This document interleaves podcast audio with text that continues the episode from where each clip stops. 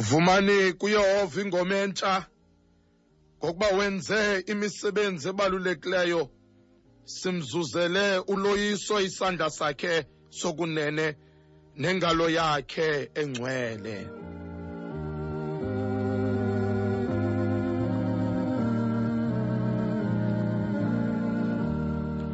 ulwazisile uyehova usindiso lwakhe ubutyhilile emehlweni entlanga ubulungisa bakhe ukhumbule inceba yakhe nokunyaniseka kwakhe kwindlu kasirayeli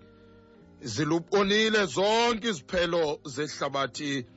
usindiso lothixo wethu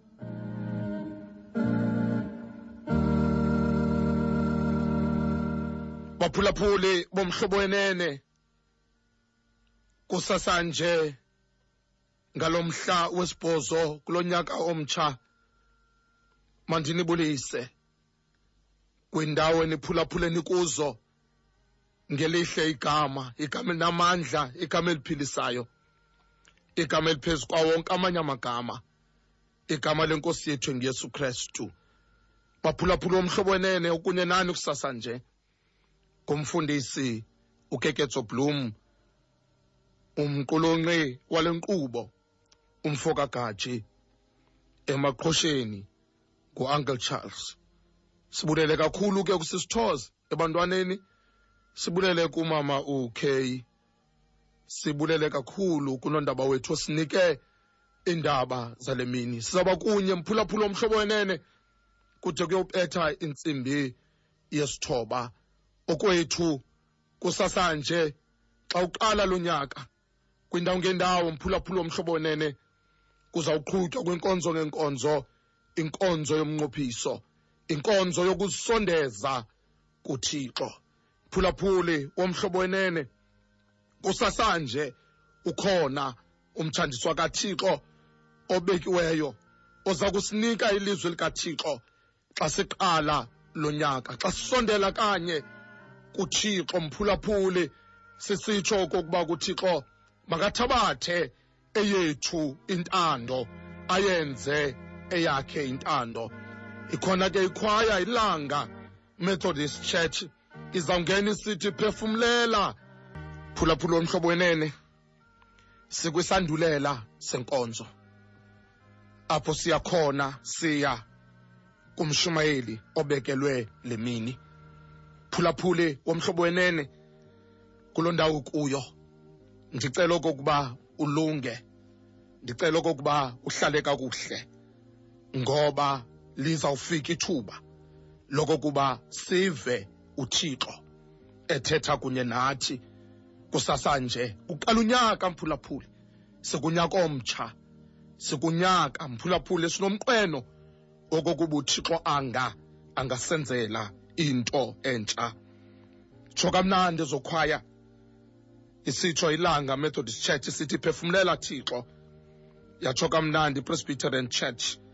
isithi ungcwele ungcwele mphulaphula omhlobo wenene njengoba besele nditshilo kwindawo ngendawo namhlanje ukubheka phambili mphulaphula omhlobo nene kukho iinkonzo zeminqophiso bandla lamawisile kuseketha kwazakhele iza kube inenkonzo yomnqophiso namhlanje izawube iphaya ejason vusi methodist church eboxongo street kwazakhele iyaqala ke le nkonzo omphulaphuli ngentsimbi yesithoba kanjalo ngomhla we-15 kajanuwari 2023 kuzawube kumiselwa umama uphumla nosiseko mgudlandlu njengenkokheli yesithili ukutsho ke idistrict lay leader yasewilliam kama district ngentsimbi yesithoba phaya eJace Mvusi Society esisaziso ke mphulaphuli sikhutshwa ngumfundisi uthemba inkosi mpofu kanti namhlanje amarhabe i-upcsa ne-uccsa ne-efcc phaya eqonce bazawube behlangene namhlanje behlangene emphulaphuli besenza inkonzo yomnqophiso namhlanje phaya eqonce phulaphuli womhlobo enene esinye isaziso kwamagxakidwe esicongregation kwibandla i-upcsa phantsi komfundisi uloyiso bhatshe ngomhla we-15 bazabe benenkonzo yomnqophiso iqala ngentsimbi yesithoba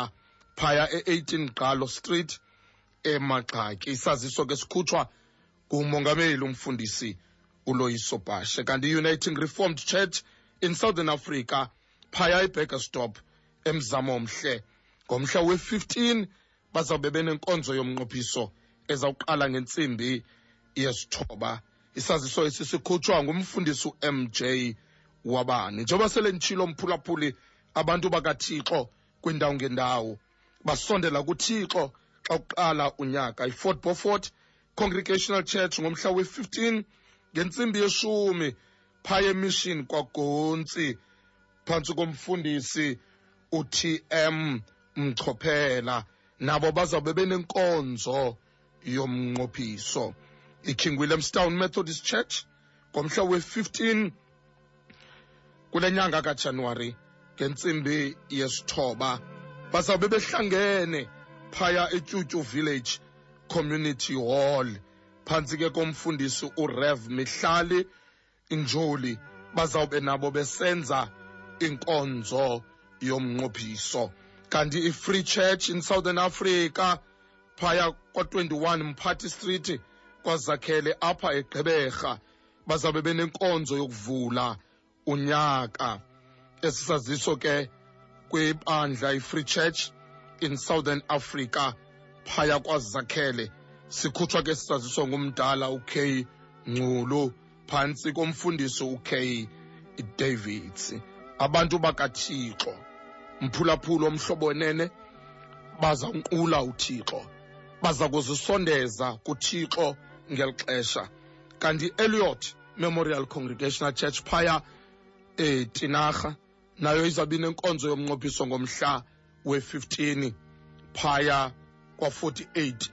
ehuna street etinarha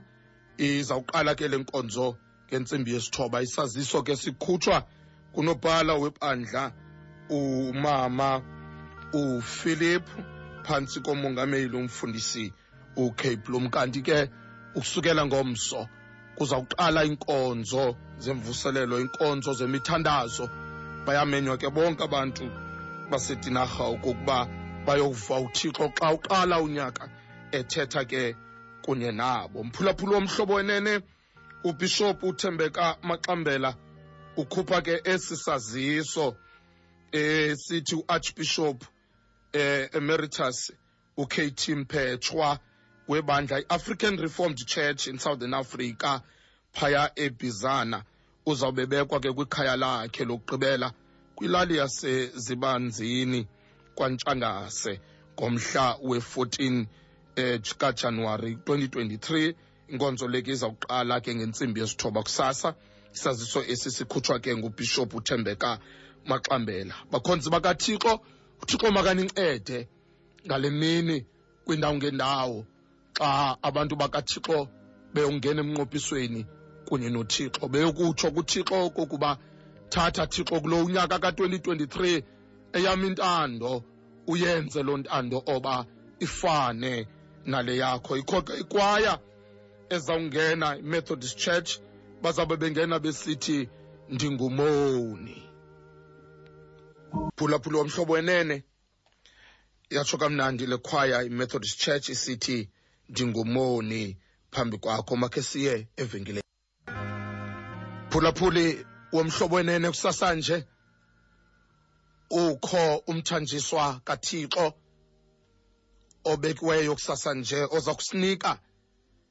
ilizwi likathixo inkonzo yethu yakusasa nje siza kuyenzelwa ngubhishophu unomaphelo myathaza webandla lama-ame ngena khwalo dumisani uyehova osinika izipho zonke nonke nidumise uyise nyana nomoya oyingcwele abo batyaleka endlwini yenkosi baya kufumaneka betyatyambele emingqubeni yothixo wethu banethamsanqa abo bahlala endlwini yakho nkosi ndiyayithanda indawo yakho ohlala kuyo apho lonke udumo lwakho lukhona ngenxa yokuba inkosi isendaweni yayo engcwele wonke umhlaba mawuthi cwaka phambi kwayo culelani inkosi iculo elitsha ngokuba yenze izinto ezimangaliso Yenzani ingxolo ngokugcobela enkosini mhlaba wonke niculene mibhedesho. Masithabathe iculo lokuvula.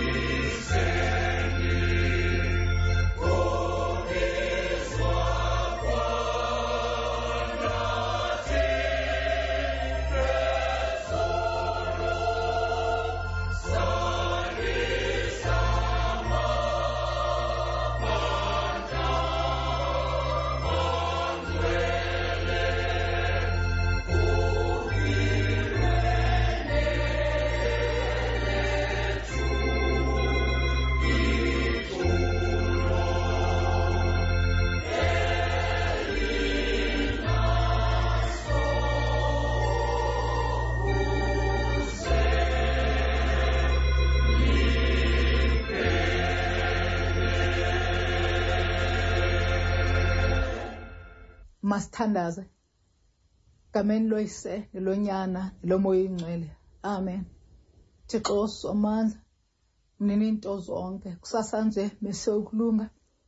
sibulela ukuba nawe thixo ulungileyo sibulela ukulondolozwa nguwe ebudeni bobusuku kude kube lapha thixo ulungileyo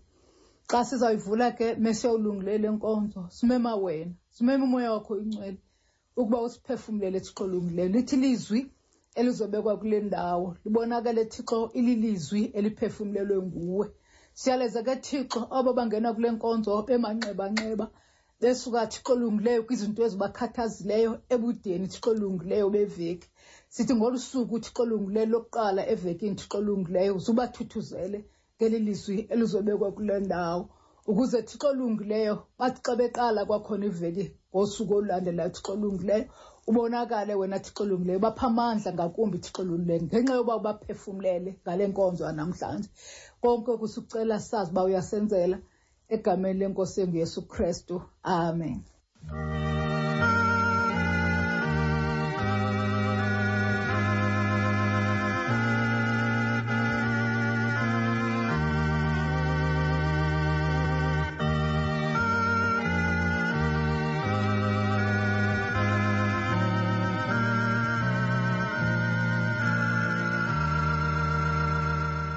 Masisifumane isifundo sanamhlanje njengoko sibhaliwe kwincwadi zeTestamenta entsha. Sifunda kwivangeli ngokubhalwe nguMateyu isahluko sesesibini siqala kuvesi yesixhenxe siyokuma kweyeshumi. Ivangeli ngokubhalwa nguMateyu isahluko sesibini ivesi yesixhenxe siyokuma kweyeshumi. Kwakuba njalo uherode ezimise ngasese izazi ezo waqondisisa kakuhle kuzo ixesha lokubonakala kwenkwenkwezi leyo wazithuma ke ebhetelehem wathi hambani niye nicokise ukubuzisa ngomntwana lowo xa ke nithe namfumana ze nindibikele ukuze nam ndiye kumnqula zimvile ke zona ukumkani zahamba nantso inkwenkwezi leyo zayibonayo empumalanga izandulela yada yayakuma phezu kwendlu ebekuyo umntwana lowo zathi ke zakuyibona inkwenkwezi zavuya ngovuyo olukhulu kakhulu eli lilizwi lenkosi kubantu benkosi abantu benkosi mabathi amen siyakudumisa thixo siyakuvuma ukuba unguyehova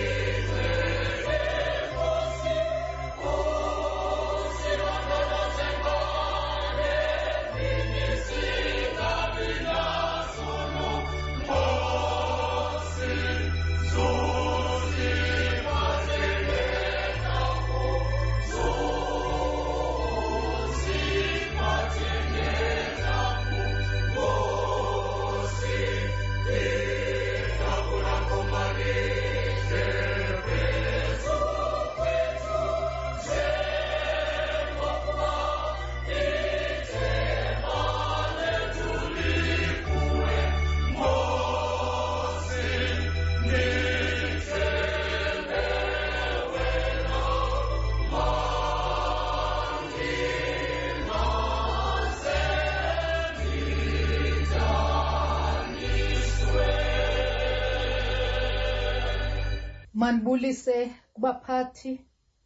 nabaqulunqi bale nkqubo ubawo ublom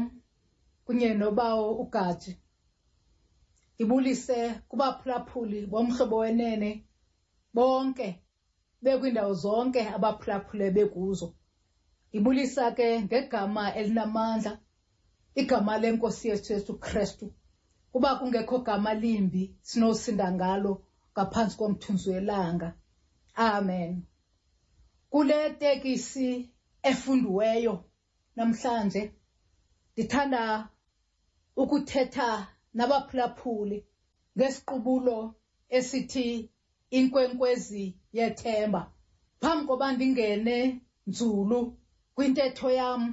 yakusasanje ndithanda ukhumbuza amakrestu ukuba sikwixesha elibizwa ngokuba yi-ephifeni elilixesha lokubonakaliswa koyesu krestu njengomntu ebantwini bathi ke abaphicothi bezibhalo yayilixesha lokuba abonakaliswe kubantu abangengawo amaJuda.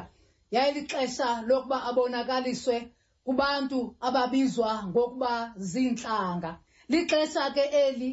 elisemva kweKhrisimesi. Ubuqu balo apho liqala khona liqale ngolesihlanu umhla wesithandathu ekulisuku lweshumi elinesibini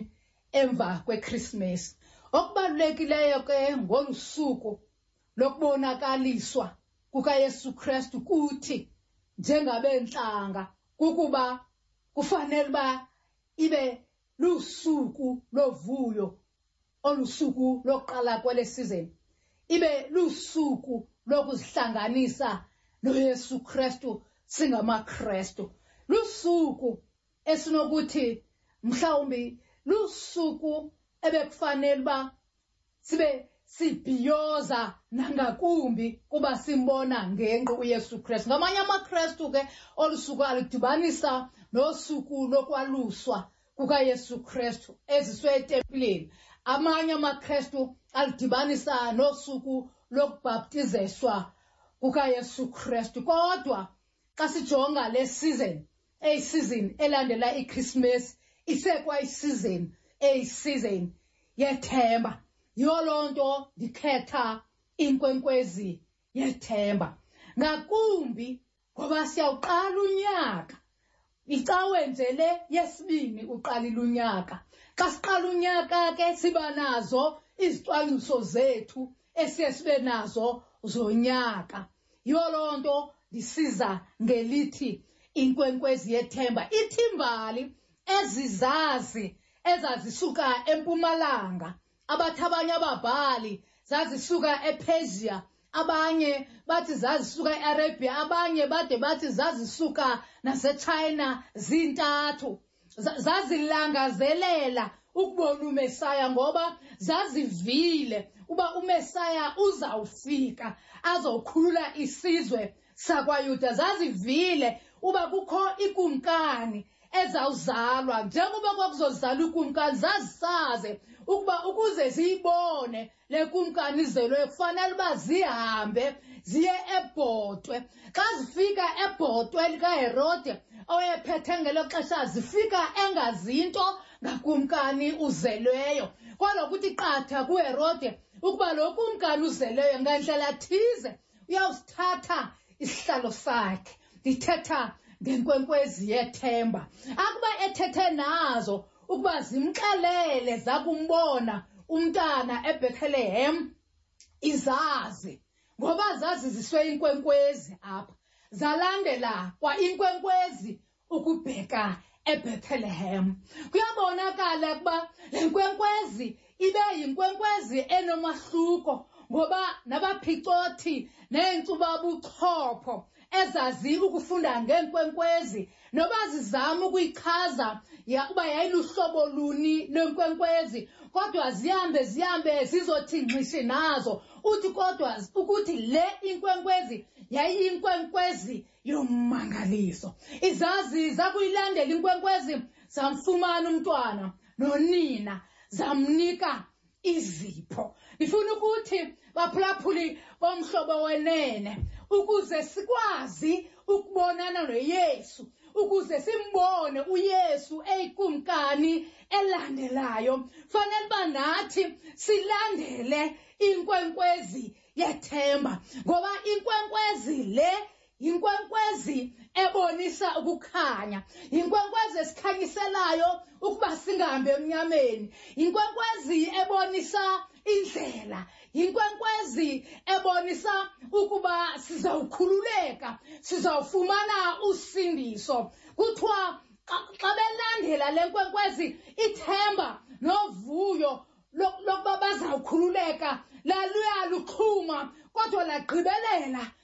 bakubona uyesu kristu phulaphula omhlobo wenene siphila namhlanje kwixesha lokulahlekelwa ngamathemba siphila kwixesha lokumdinga uyesu siphila kwixesha lokuba sidinge ukukhululeka bambi baphelelwe ngamathemba ngoba baswelekelwe ngale sizini yekrismas ngabantu ebebebathanda abantu ebibona ibizii-bread winners bayacinga imihla ngemihla ukwazi uba sizokwendliwa ngantoni na jonga kwinkwenkwezi yethemba bambi bahleli basentlungwini ngoba baswelekelwe ngabantwana babo abangabuyanga bayakoluswa aba bantwana mhlawumbi ibikuphela kwabo amathemba ekubo besazi uba bazawuphuma koo-grade twelve babheke koomayunivesithi bakwazi ukuvusa amakhaya jonga kwinkwenkwezi yethemba abanye bahleli belahlekelwe ngamathemba ngoba iminyaka ngeminyaka befuna imisebenzi bengayifumani kodwa xa kuqala lo nyaka mphulaphuli womhlobo henene jonga kwinkwenkwezi yethemba abanye bahleli kabuhlungu ngabamelwane abanye bahleli kabuhlungu emsebenzini abanye bahlukunyezwa ngabayeni abanye banabantwana abaphatheke kakubi zizidakamizwa yoloo nto ndisithi wonke umphulaphuli ophelelwe lithemba kaqala unyaka makajonge kwinkwekwezi yethemba uneproject obuyiqale kulo nyaka upheleyo imile ngenxa yokuphelelwa lithemba awazi uba uzophinde uyivuse kanjani unamasimo akho angakwazi ukulimeka ngenxa yezantyalantyala zemvula unexhala lezindlu zakho ezingawa ngenxa yemvula ezinkulu kodwa jonga kwinkwekwezi yethemba mphulaphuli ndiyazi ukuba abantu abaninzi kunzima ukubuyela ethembeni xa seliphelile kwathi uthumlupawulos izinto ezibalulekileyo lukholo nethemba nothando axa egqitha olona lukhulu enanto iphambili kwezi zintathu luthando ukuze ukwazi ukubambelela ethembeni funeka ube nothando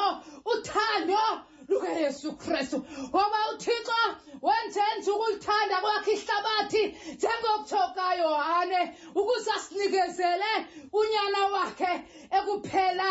ozelweyo sinqwenela ke ukuhamba siyohlangana naloo nyahana yena saziwa ukukukhanya kwehlabathi ukuze singalahleki endleleni mphulaphuli womhlobo henene ukhona uyesu khona uyesu ukhona umdlisi wabomi onguboyingcwele ukhona umsindisi ofikileyo ukhona umsindisi ozisa ubomi obunaphakade yamkela yena yamkela ithemba yamkela usindiso egameni lenkosi engu yesu kristu amen masithandaze thixo somandla msindisi wethu sibulela thixo le nkonzo osinike yona namhlanje sisisumthandazo wodwa thixo kwilizwe lomzantsi afrika ukuthi bonke abaphelelwe lithemba buyisa ithemba thixo olungileyo ukuze mesiyokulunga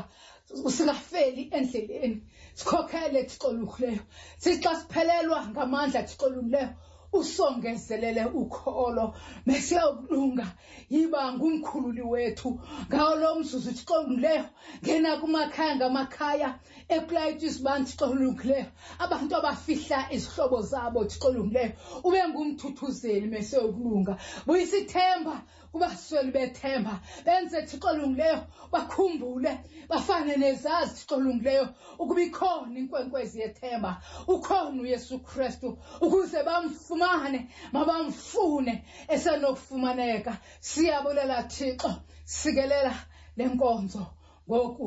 nangona phakade aloba ufefele inkosi yethu yesu kristu uthando olukathixo nobudlelwane bomoya incwele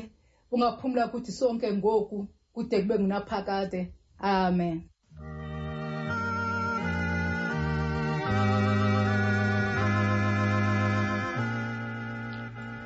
masibuleleke kakhulu phulaphula womhlobo wenene kumfundisi ubhishophu unomophelo miyathaza webandla i-ame sibulela kakhulu bishop wam phulaphula umhlobo wenene ebekunye nawe kwesi sandulela senkonzo kusasanje ingumfundisi ukeketso bloom emaqhusheni ucharles hart umqulunqi wale nkqubo uleka gaji phulaphula umhlobo enene ngeli thuba kwiindawo ngeendawo niphulaphule nikuzo abantu bakathixo belungiselela ukuya enkonzweni kathixo kusasa nje masibulele kakhulu kumthanjiswa kathixo usinikileyo umyalezo wale mini yanamhlanje mphulaphuli womhlobo wenene masambeni siyongena kwinkonzo yokunqophisana kunye nothixo uzawungena ke ulalitokhwe esitsho kwezo ngoma zakhe ezimnandi esithi seza umphefumlo side siphinde kwakhona sibonane mphulaphuli kwixesha elizayo uthixo woxolo uthixo wozuko makaniphathe ngenceba ukuze ibe nguye oningenisayo kulo nyaka umtsha ukuze ibe nguye ohlala kunye nani ngamaxesha onke uthixo mphulaphuli aqalise ukwenza into entsha ebomini bakho nasebomini bosapho lwakho nasebomini babantu ohlala kunye nabo kuloo ndawo ohlala kuyo uthixo woxolo makanigcine okumhlophe